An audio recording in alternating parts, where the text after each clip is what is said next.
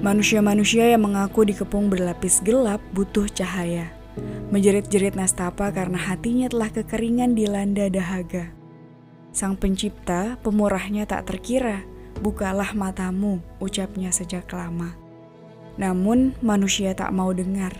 Membuka mata berarti mengetahui kebenaran yang sering kali tak sejalan dengan kenikmatan. Silau, kami belum siap, tidak sekarang, mungkin tahun depan atau depannya lagi. Manusia belum juga selesai melucu, memejamkan mata kuat-kuat sambil berjalan tertatih, tersandung, jatuh dan tersesat berkali-kali dalam semesta cahaya. Cahayanya benderang, disampaikan dalam estafeta dakwah selama ribuan tahun. Sejak Nabi Adam hingga Nabi Muhammad, ratusan ribu jumlah penyampai risalahnya. Dilanjutkan hingga kini oleh para ulama. Semua menyerukan hal yang sama, sembahlah Allah taati perintahnya.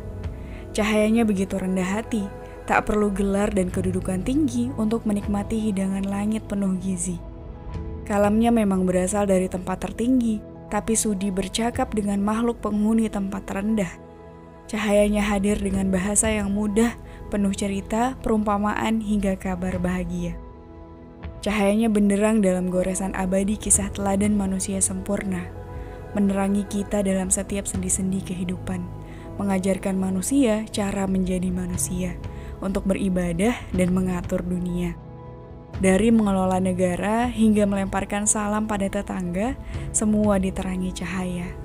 Tinggallah manusia masih saja berteriak gelap, kini mulai meracau, menciptakan cahayanya sendiri yang malah membakar diri. Hati yang menahun tak diberi makan cahaya, akhirnya mati menyisakan jasad tanpa ruh seakan bangkai yang berjalan di muka bumi. Begitulah kisah pilu penduduk bumi. Begitu mengenaskan hingga di pengadilan hari akhir nanti ia masih meracau seandainya aku dilahirkan jadi tanah. Sungguh ironi, manusia mati di lumbung cahaya.